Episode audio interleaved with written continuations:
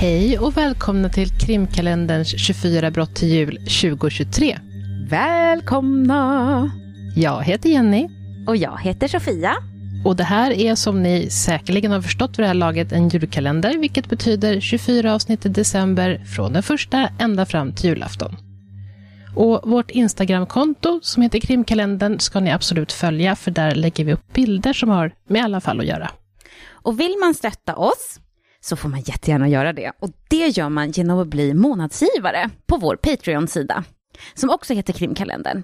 Och gör man det så får man dels ett bonusavsnitt per månad, de månader vi inte gör ordinarie avsnitt. Och så får man ta del av de bonusavsnitt som vi redan har släppt retroaktivt. Och just nu så ligger det 30 avsnitt och väntar på er. Men nu är det dags för dagens lucka och idag är det du Sofia som ska berätta för oss om ett fall. Ja, det är ju det. Um... Och en annan grej som man kan få när man är Patreon är ja, lite förhandsinformation om att, vi ska, att det blir en julkalender. Eh, men någonting som vi gjorde för inte så länge sedan var ju också en omröstning, bara för att höra så här, vilka slags fall gillar folk? Just det. Och eh, jag ska väl inte säga, det, det var lite förvåningar faktiskt. Någonting, den som kom på andra plats var så här stalking, mm. till exempel. Ja. Men högst upp på listan var mord. Och idag kommer ni få höra om ett mord och eh, det kommer bli jättehemskt. Så jag utfärdar här med en varning för att det blir hemskheter idag. Mm, okay. Georgia Williams föds den 7 september 1995 som det yngsta av två syskon i Telford i Shropshire i England. Hennes syster heter Scarlett, hennes mamma Lynette och pappa heter Steve. Georgia är en väldigt utåtgående 17-årig ung kvinna, full av liv. Hon är en sån där som blir vän med alla. Hon är charmig, trevlig, pratar med precis alla och har ständigt ett leende på läpparna. Hon är väldigt familjeorienterad och spelar ofta spratt på sin syster. Men allt som oftast är hon kärleksfull, omhändertagande och ett ord som summerar henne bra är empatisk. Det ordet passar bra då hon alltid försöker göra andra människor glada om de är ledsna. Hon vill alltid få alla runt om henne att känna sig bekväma och glada. Och det kommer ni att märka när vi dyker lite djupare i det här fallet. Mm. Trots Georgias vänliga personlighet blir hon mobbad under hela grundskolan och hennes mamma erbjuder sig att ringa till skolan och få Georgia flyttad till en annan klass så att hon kan komma bort från sina mobbare. Men Georgia, hon är också väldigt stark och säger nej mamma, jag, jag klarar det här själv. Men när Georgia börjar i gymnasiet vänds hela dynamiken upp och ner. Och nu blir hon väldigt populär. Hon får många vänner, är väldigt omtyckt och blir faktiskt head girl på gymnasiet. Och det innebär att hon väljs ut att representera skolan när hon studerar sitt sista år. Mm. Och exakt vad den representationen går ut på vet jag inte, men det säger ju ändå någonting om att hon ja, är populär. Mm. Hon börjar utbilda sig till flygkadett vid sidan av och har drömmar om att bli ambulanspersonal inom Royal Air Force, Storbritanniens flygvapen, när hon går ut skolan. När Georgia fyller 17 får hon ett deltidsjobb och arbetar på den lokala bensinstationen och hon blir, som så många gånger innan, snabbt vän med alla sina medarbetare. Det är en ung man som också jobbar på bensinstationen som alltid verkar vara utelämnad från allt. Och Georgia, som som sagt är väldigt empatisk, hon vill att alla människor ska vara glada och trivas. Så så snart hon börjar jobba på bensinstationen involverar hon genast honom i allt och han kommer snabbt in och blir en del av gruppen. Den här unge mannen är den 22 år gamla Jamie Reynolds och han utvecklar snabbt ett tycke för Georgia. Han bjuder ut henne på träffar och ber henne att vara hans flickvän. Och Georgia, på det artigaste möjliga sättet, avvisar honom varje gång. I princip placerar hon honom tydligt i vänskapszonen. Hon säger att hon inte letar efter en pojkvän just nu och att hon föredrar hur de har det nu, som, som vänner. Hon säger det så här väldigt artigt och hänsynsfullt. Mm. Och även om Jamie är ledsen över att hon inte känner på samma sätt för honom som han gör för henne, respekterar han hennes önskemål och de två fortsätter att vara vänner. Goda vänner faktiskt. När Jamie fyllt 23 år uttrycker han till Georgia att han inte är helt nöjd med sitt jobb på bensinstationen. Och till skillnad från Georgia är det här hans heltidsjobb. Så att, ja, det går ju ut över livet kanske lite mer än när man bara har ett extrajobb som man kanske inte trivs jättebra med.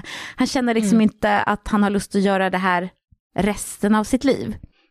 Så Jamie och Georgia sätter sig ner och pratar igenom hans fritidsintressen. Vad han är passionerad över. Kanske det skulle kunna bli liksom någonting som han kan rikta in sig på. Jamie berättar att han är väldigt intresserad av fotografering.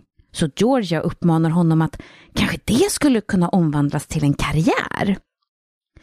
Jamie följer Georgias goda råd och frågar henne om inte hon skulle kunna tänka sig att ställa upp som modell så att han liksom kan ta lite bilder och så, så skapa sig en professionell portfölj av sitt arbete.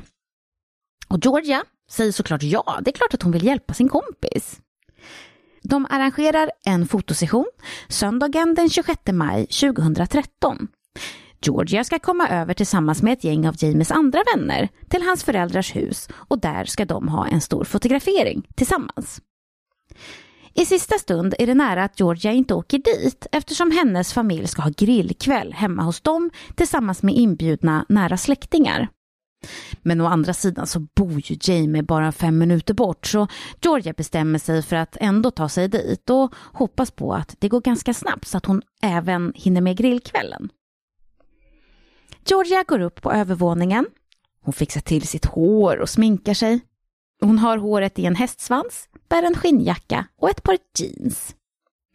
Det sista hennes pappa Steve säger till henne när hon kommer ner för trappan i den här outfiten, redo att gå till fotograferingen hos Jamie, är att hon ser vacker ut.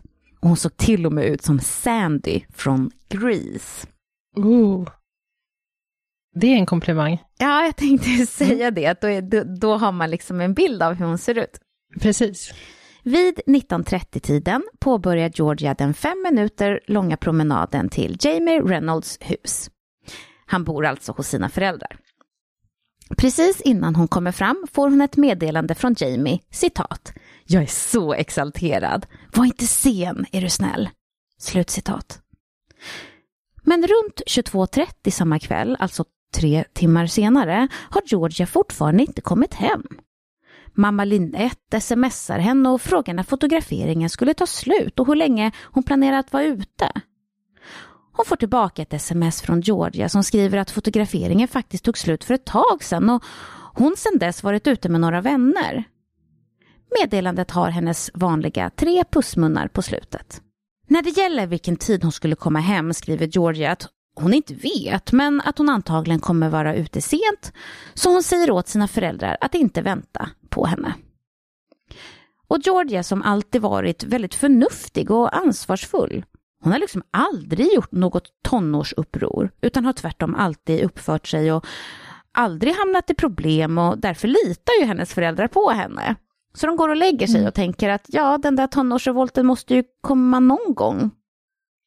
Men när de vaknar nästa morgon och Georgia fortfarande inte är hemma så smsar mamma Lynette henne igen vid sextiden och frågar var hon är och när hon planerar komma hem. Och hon får inte svar förrän 7.30.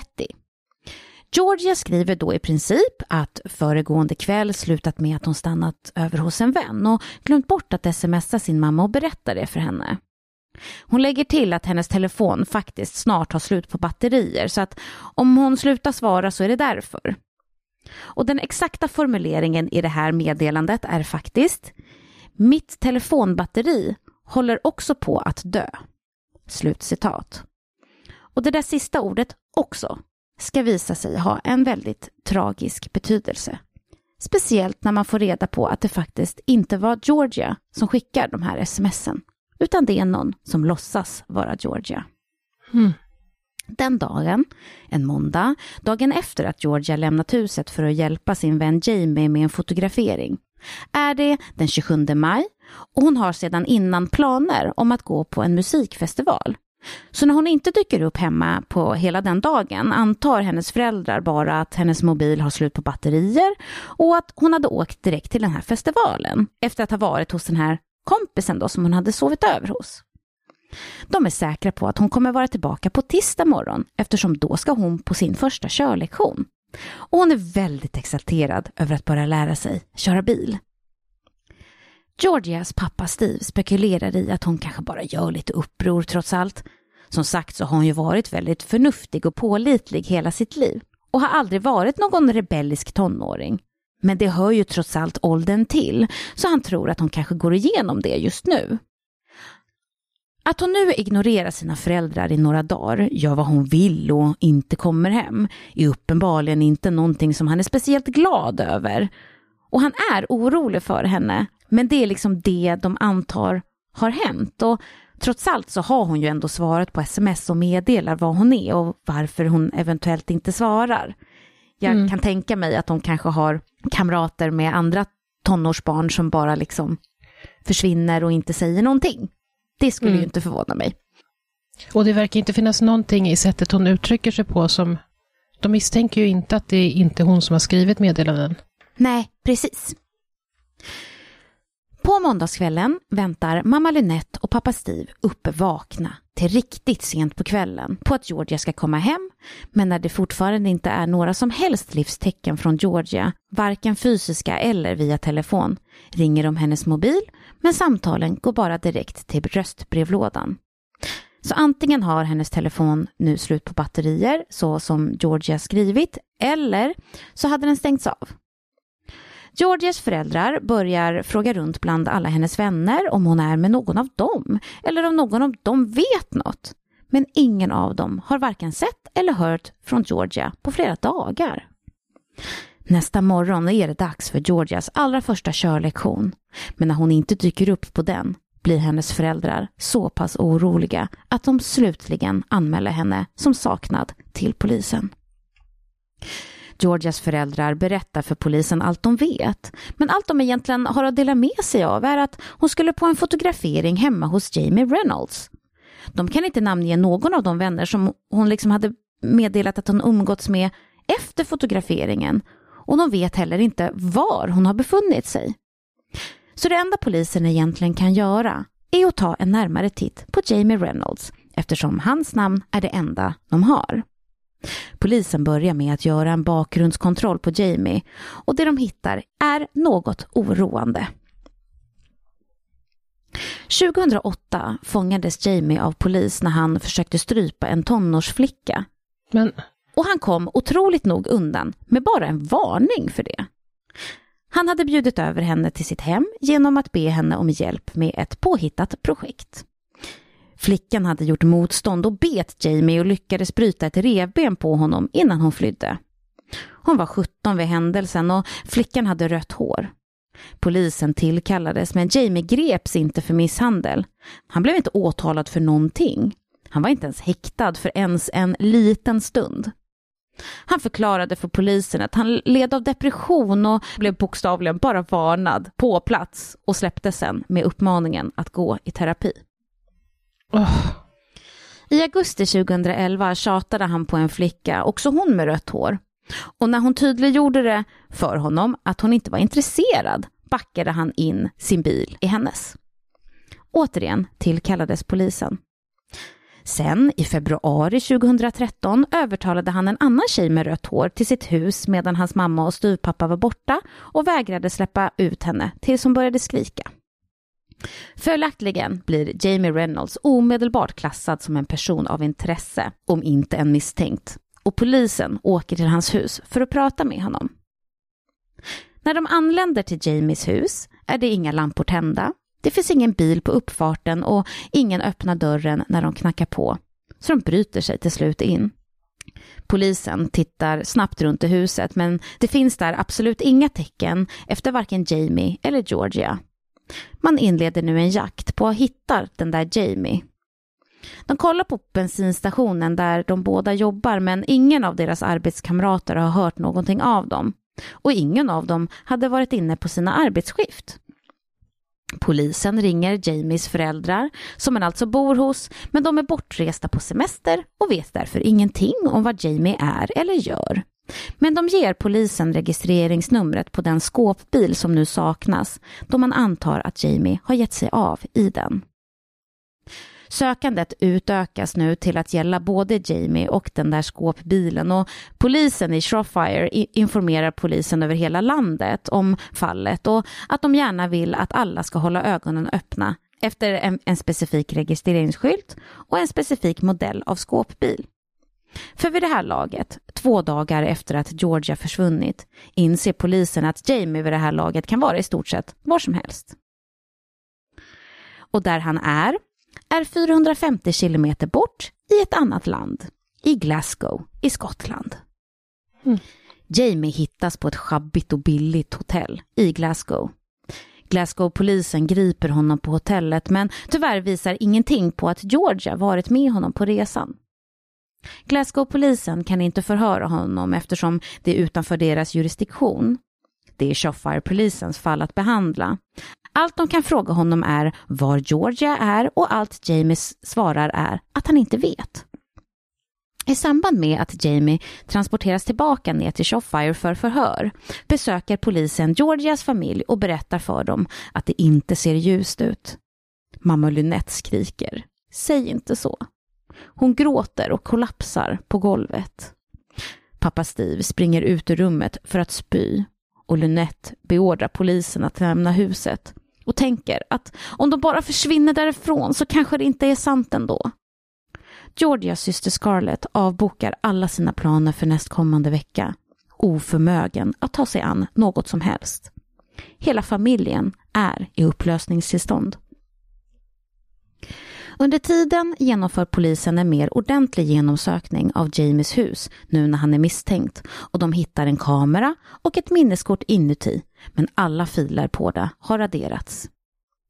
Polisen tar med sig minneskortet till polisstationen och lyckas återställa alla raderade filer. Och vad de hittar är bilder på Georgia Williams innan, under och efter hennes mord. Oh. De hittar vad de kallar för vanliga bilder av Georgia, precis som man kan förvänta sig av den fotografering som Jamie och Georgia hade planerat. Sen följer bilder av Georgia naken och hon ser tydligt obekväm ut. Sen kommer det bilder av Georgia med ett rep runt halsen och sen bilder av henne hängandes i repet från en hängningsmekanism som Jamie själv byggt för ändamålet i luckan till vinden i hans föräldrars hus. Sen har Jamie tagit ner Georgias hängande kropp och tagit bilder av henne i alla möjliga positioner man kan tänka sig. Bilderna från det här skedet är hundratals till antalet och Jamie har uppenbarligen flyttat runt kroppen till olika rum medan han tar de här bilderna. Jamie hade sedan sex med Georgias döda kropp flera gånger och fotograferade även det. Usch! Mm.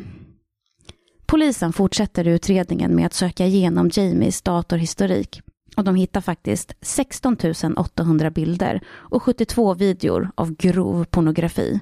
Och med grov menar jag fetischer av våldtäkt, snafffilmer där människor mördas, tortyr och andra väldigt, väldigt våldsamma saker. Vid det här laget hade Jamies föräldrar flugit tillbaka till England och avslutat sin semesterresa tidigt. Så att de också kan bli förhörda av polisen och de berättar faktiskt för polisen att de är medvetna om att Jamie hade tittat på mycket extrema pornografiska filmer redan när han var 14 år gammal. Då hade de i alla fall kommit på honom i att göra det, men han kan ju mm. såklart ha gjort det långt innan dess, det vet man ju inte. Nej. James föräldrar hade då gjort vad de kunde för att liksom hindra honom för att komma åt webbplatser som innehöll sånt innehåll då han behövde sin bärbara dator till skolarbetet så kunde de liksom inte ta den ifrån honom. Istället ringde de sin internetleverantör och ordnade med en blockering på alla porrsidor så att han inte kunde mm. komma åt dem längre. Hans föräldrar informerade både polis och socialtjänst då att de fick reda på vad han tittade på, för de var liksom oroliga för sin son. Men eftersom det han gjorde egentligen inte var olagligt vidtogs inga åtgärder. Även om det var en väldigt oroande hobby, så kunde de egentligen inte göra någonting. Men den då 14-årige Jamie Reynolds kunde minsann göra någonting. Han ringde och beställde ett eget internetabonnemang som han betalade för själv och som hans föräldrar alltså inte hade någon aning om. Så att han kunde använda internet utan restriktioner.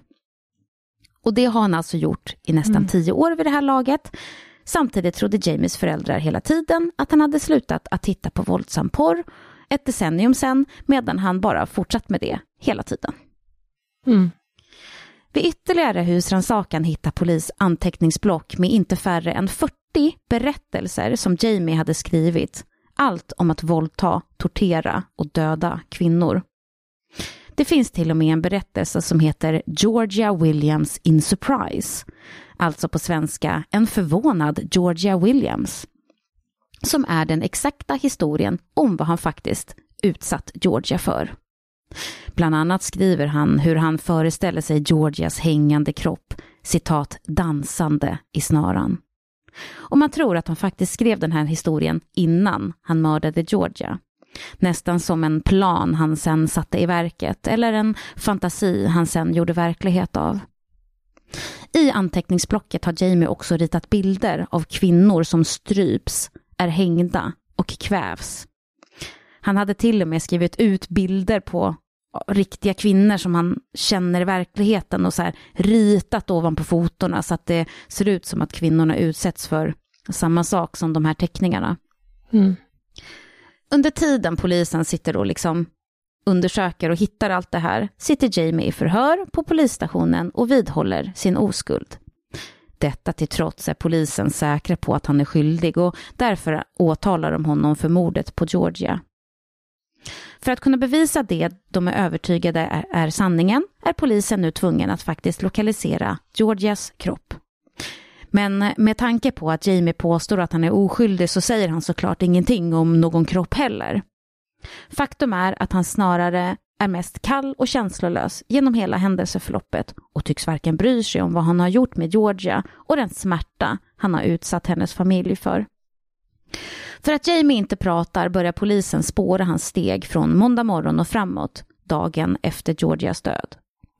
Han fångas på övervakningskameror, CCTV, på den lokala bensinstationen när han tankar sin skåpbil. Och faktum är att Georgias kropp vid det här tillfället är i skåpbilens lastutrymme. Sen kör han 100 kilometer till Wrexham där han parkerar utanför en biograf, lämnar Georgias kropp i skåpbilen på parkeringen och går därefter in och tittar på en film. Och som jag sa tidigare så brukade Jamie fråga om inte Georgia ville vara hans flickvän och gå på dejter och så. Och mm. specifikt så ville han ta henne på en biodejt. Och ett av hans sista försök att bjuda ut henne på en dejt var faktiskt med förslaget att de skulle gå och se den nya Fast and Furious-filmen som nyligen hade kommit ut vid den här tiden. Och som hon gjorde med alla hans närmanden tackade Georgia artigt nej. Men nu listar polisen alltså ut att Jamie, efter att ha mördat henne, ser till att få den där dejten trots allt. Även om det innebar att dejten är Georgias döda kropp som han tvunget lämnar på parkeringen medan han går in på biografen och ser filmen. Alltså, det här är så sjukt. Ja, men det är så sjukt. Efter biopausen tappar polisen spåret efter Jamies skåpbil i brist på CCTV-filmer. Så en publikvädjan läggs ut om att någon ska träda fram om de har sett den specifika skåpbilen någonstans mellan Wrexham och Skottland. Och otroligt nog så fungerar det faktiskt.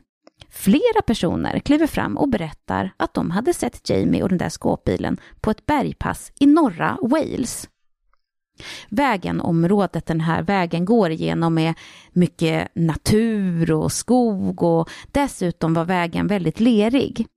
Och Jamies skåpbil hade faktiskt fastnat i leran och flera personer kommer dit för att hjälpa honom. Och det är därför de minns honom tydligt. Mm. För att de tillbringar ganska mycket tid ansikte mot ansikte med honom. Polisen lägger ihop två och två Jamie hade en död kropp i sin skåpbil. Vilket syfte hade han att köra till en skog, annat än att dumpa kroppen? Med den insikten arrangerar polis en fullständig genomsökning av bergpasset.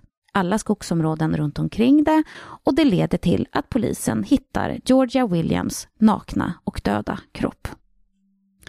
Georgias kropp förs tillbaka till Shofire och Georgias pappa Steve vägrar att låta någon annan familjemedlem än han och Lynette, Georgias mamma, titta på kroppen. Han säger att det är alldeles för smärtsamt. I intervjuer berättar pappa Steve hur ärrad han blev av att se sin dotter så. Och att han inte vill utsätta någon av sina andra familjemedlemmar för samma fruktansvärda upplevelse. Att Georgia inte skulle vilja det för någon av sina familjemedlemmar. Istället vill han att de ska komma ihåg Georgia som hon var när hon var vid liv, inte som hon var i sin död. Senare reser Georgias föräldrar, Steve och Lynette, till platsen i skogen där Georgias kropp hittats. Lynette kan inte tro att deras liv har kommit till detta. Att sitta i en polisbil med rosor i knät på väg till en skog där en mördare dumpat deras dotter. Lynette citat. Mordet i sig är hemskt nog, men sättet hon behandlades efteråt är fullkomligt hjärtlöst. Jag har mardrömmar om den där skogen och föreställer mig den som mörk och läskig, full av krälande insekter. Men i slutändan är jag nöjd att vi får dit. Dagen var varm och solig och en plats som Georgia hade kunnat åka till för att kampa med sina vänner. Slutcitat. Som sagt påstår sig Jamie vara oskyldig till mordet. Han hade faktiskt ingenting att göra med det, säger han. Det ända fram till rättegångens första dag då han reser sig och erkänner. Efter det behövs ingen direkt rättegång. Jamie erkänner både mordet och att det är han som tagit alla bilder på Georgia Williams. Under påföljdsbestämningen läggs ändå händelseförloppet fram. Under hela förfarandet är Jamies huvud böjt neråt och han håller sina armar om sin egen kropp som i en omfamning medan åklagare och Craigman beskriver hur Jamie groomat och manipulerat Georgia. Han hade förklarat för Georgia hur han velat iscensätta en fejkad hängning i ett av fotografierna och att han hade köpt kläder som hon skulle posera i. Läppstift, lädershorts och stilettklackar. Han sa att han ville framställa en citat artistisk flytande bild. När åklagaren kommer in på detaljerna om Georgias mord lämnar pappa Steve, mamma Lynette och syster Scarlett rättegångssalen. Åklagaren leder rätten genom en serie bilder som Jamie tog av Georgia den kvällen som visar att hon bytt kläder till de Jamie köpt åt henne. Men iscensättandet hade inte varit nog. Sen mördade Jamie Georgia och åklagaren menar att hon inte dog omedelbart. Han måste ha stått och tittat på medan hon långsamt dog, säger han. Rätten får sen höra hur Jamie planerat attacken i fem år. Hur han alltid fantiserat om att mörda en kvinna som precis som Georgia har rött hår. De tidigare attackerna i Jamies förflutna hade alla varit på flickor och kvinnor med rött hår, men han hade aldrig fått någon ordentlig påföljd. Domaren beskriver Jamie som en potentiell seriemördare och dömer honom till livstidsfängelse eftersom han är en uppenbart farlig person. Om han någonsin släpps ut ur fängelset igen skulle han troligtvis göra detta igen. Vid tiden för domen är Jamie Reynolds den yngsta personen som någonsin fått livstids fängelsestraff. Han är 23 år gammal och kommer aldrig släppas ur fängelset. Han har inget minimistraff och ingen möjlighet till villkorlig frigivning.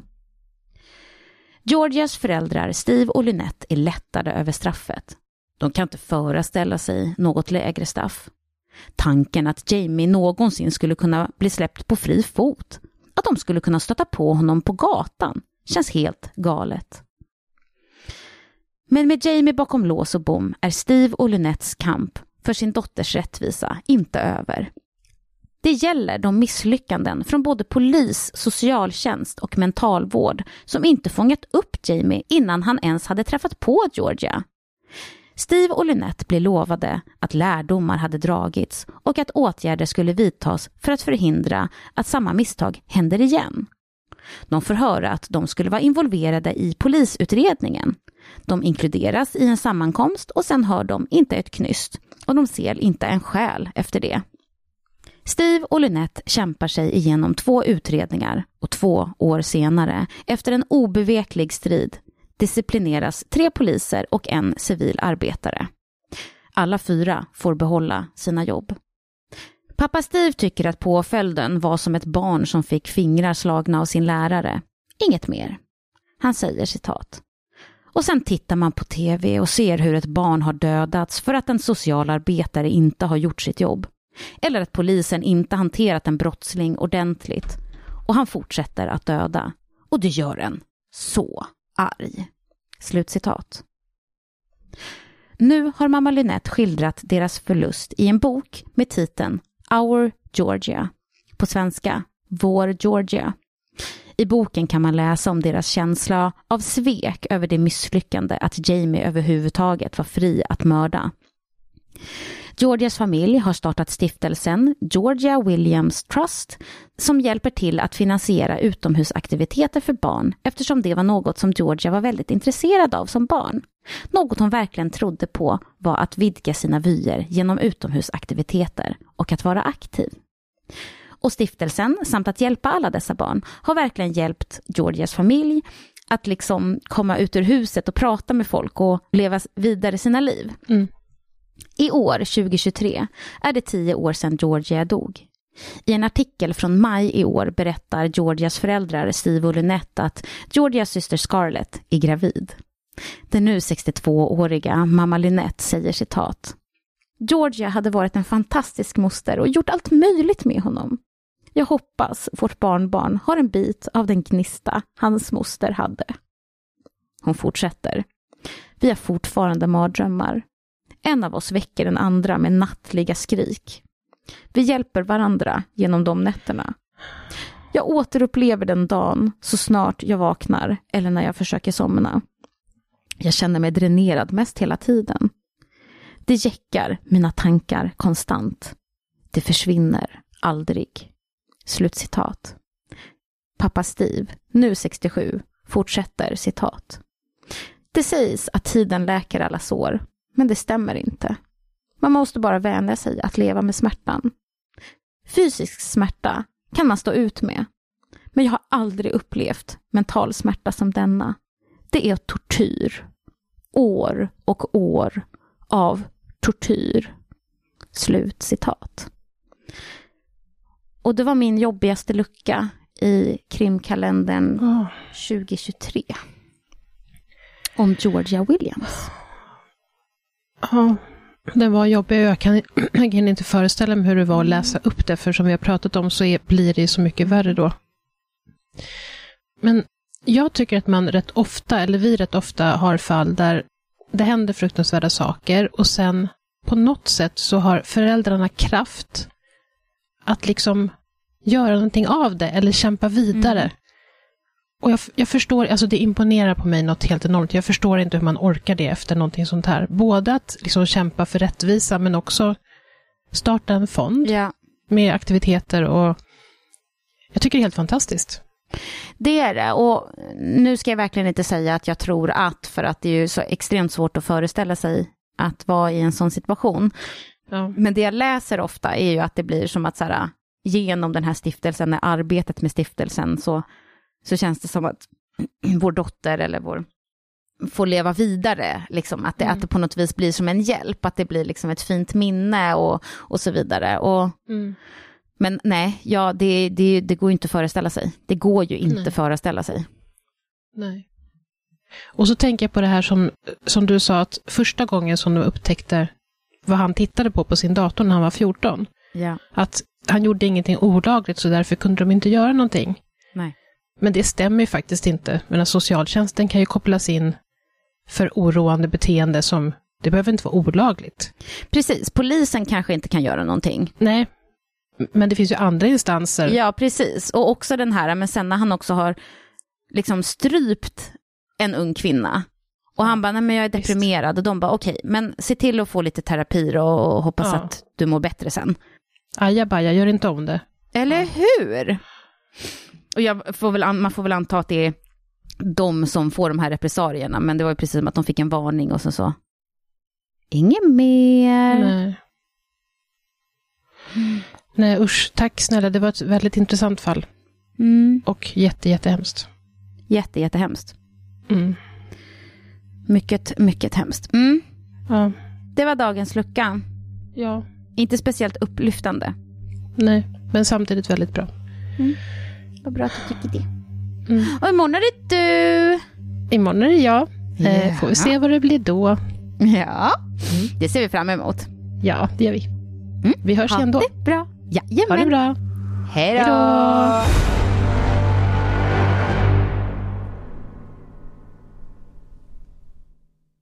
Så, förlåt, jag fick lite kaffe levererat. Nu är jag redo igen. Stroff, Stroffire. Hur uttalar man det?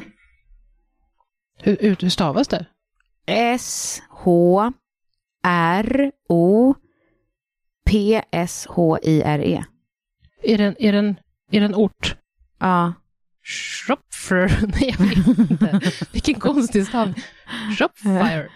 Shrop, Shropshire. Shrop, Shropshire. Shropshire. Shop, Shropshire.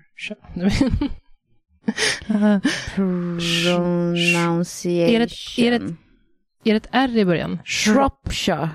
Shropshire. Shropshire. Shropshire, okej. ja. Shropshire. Mm.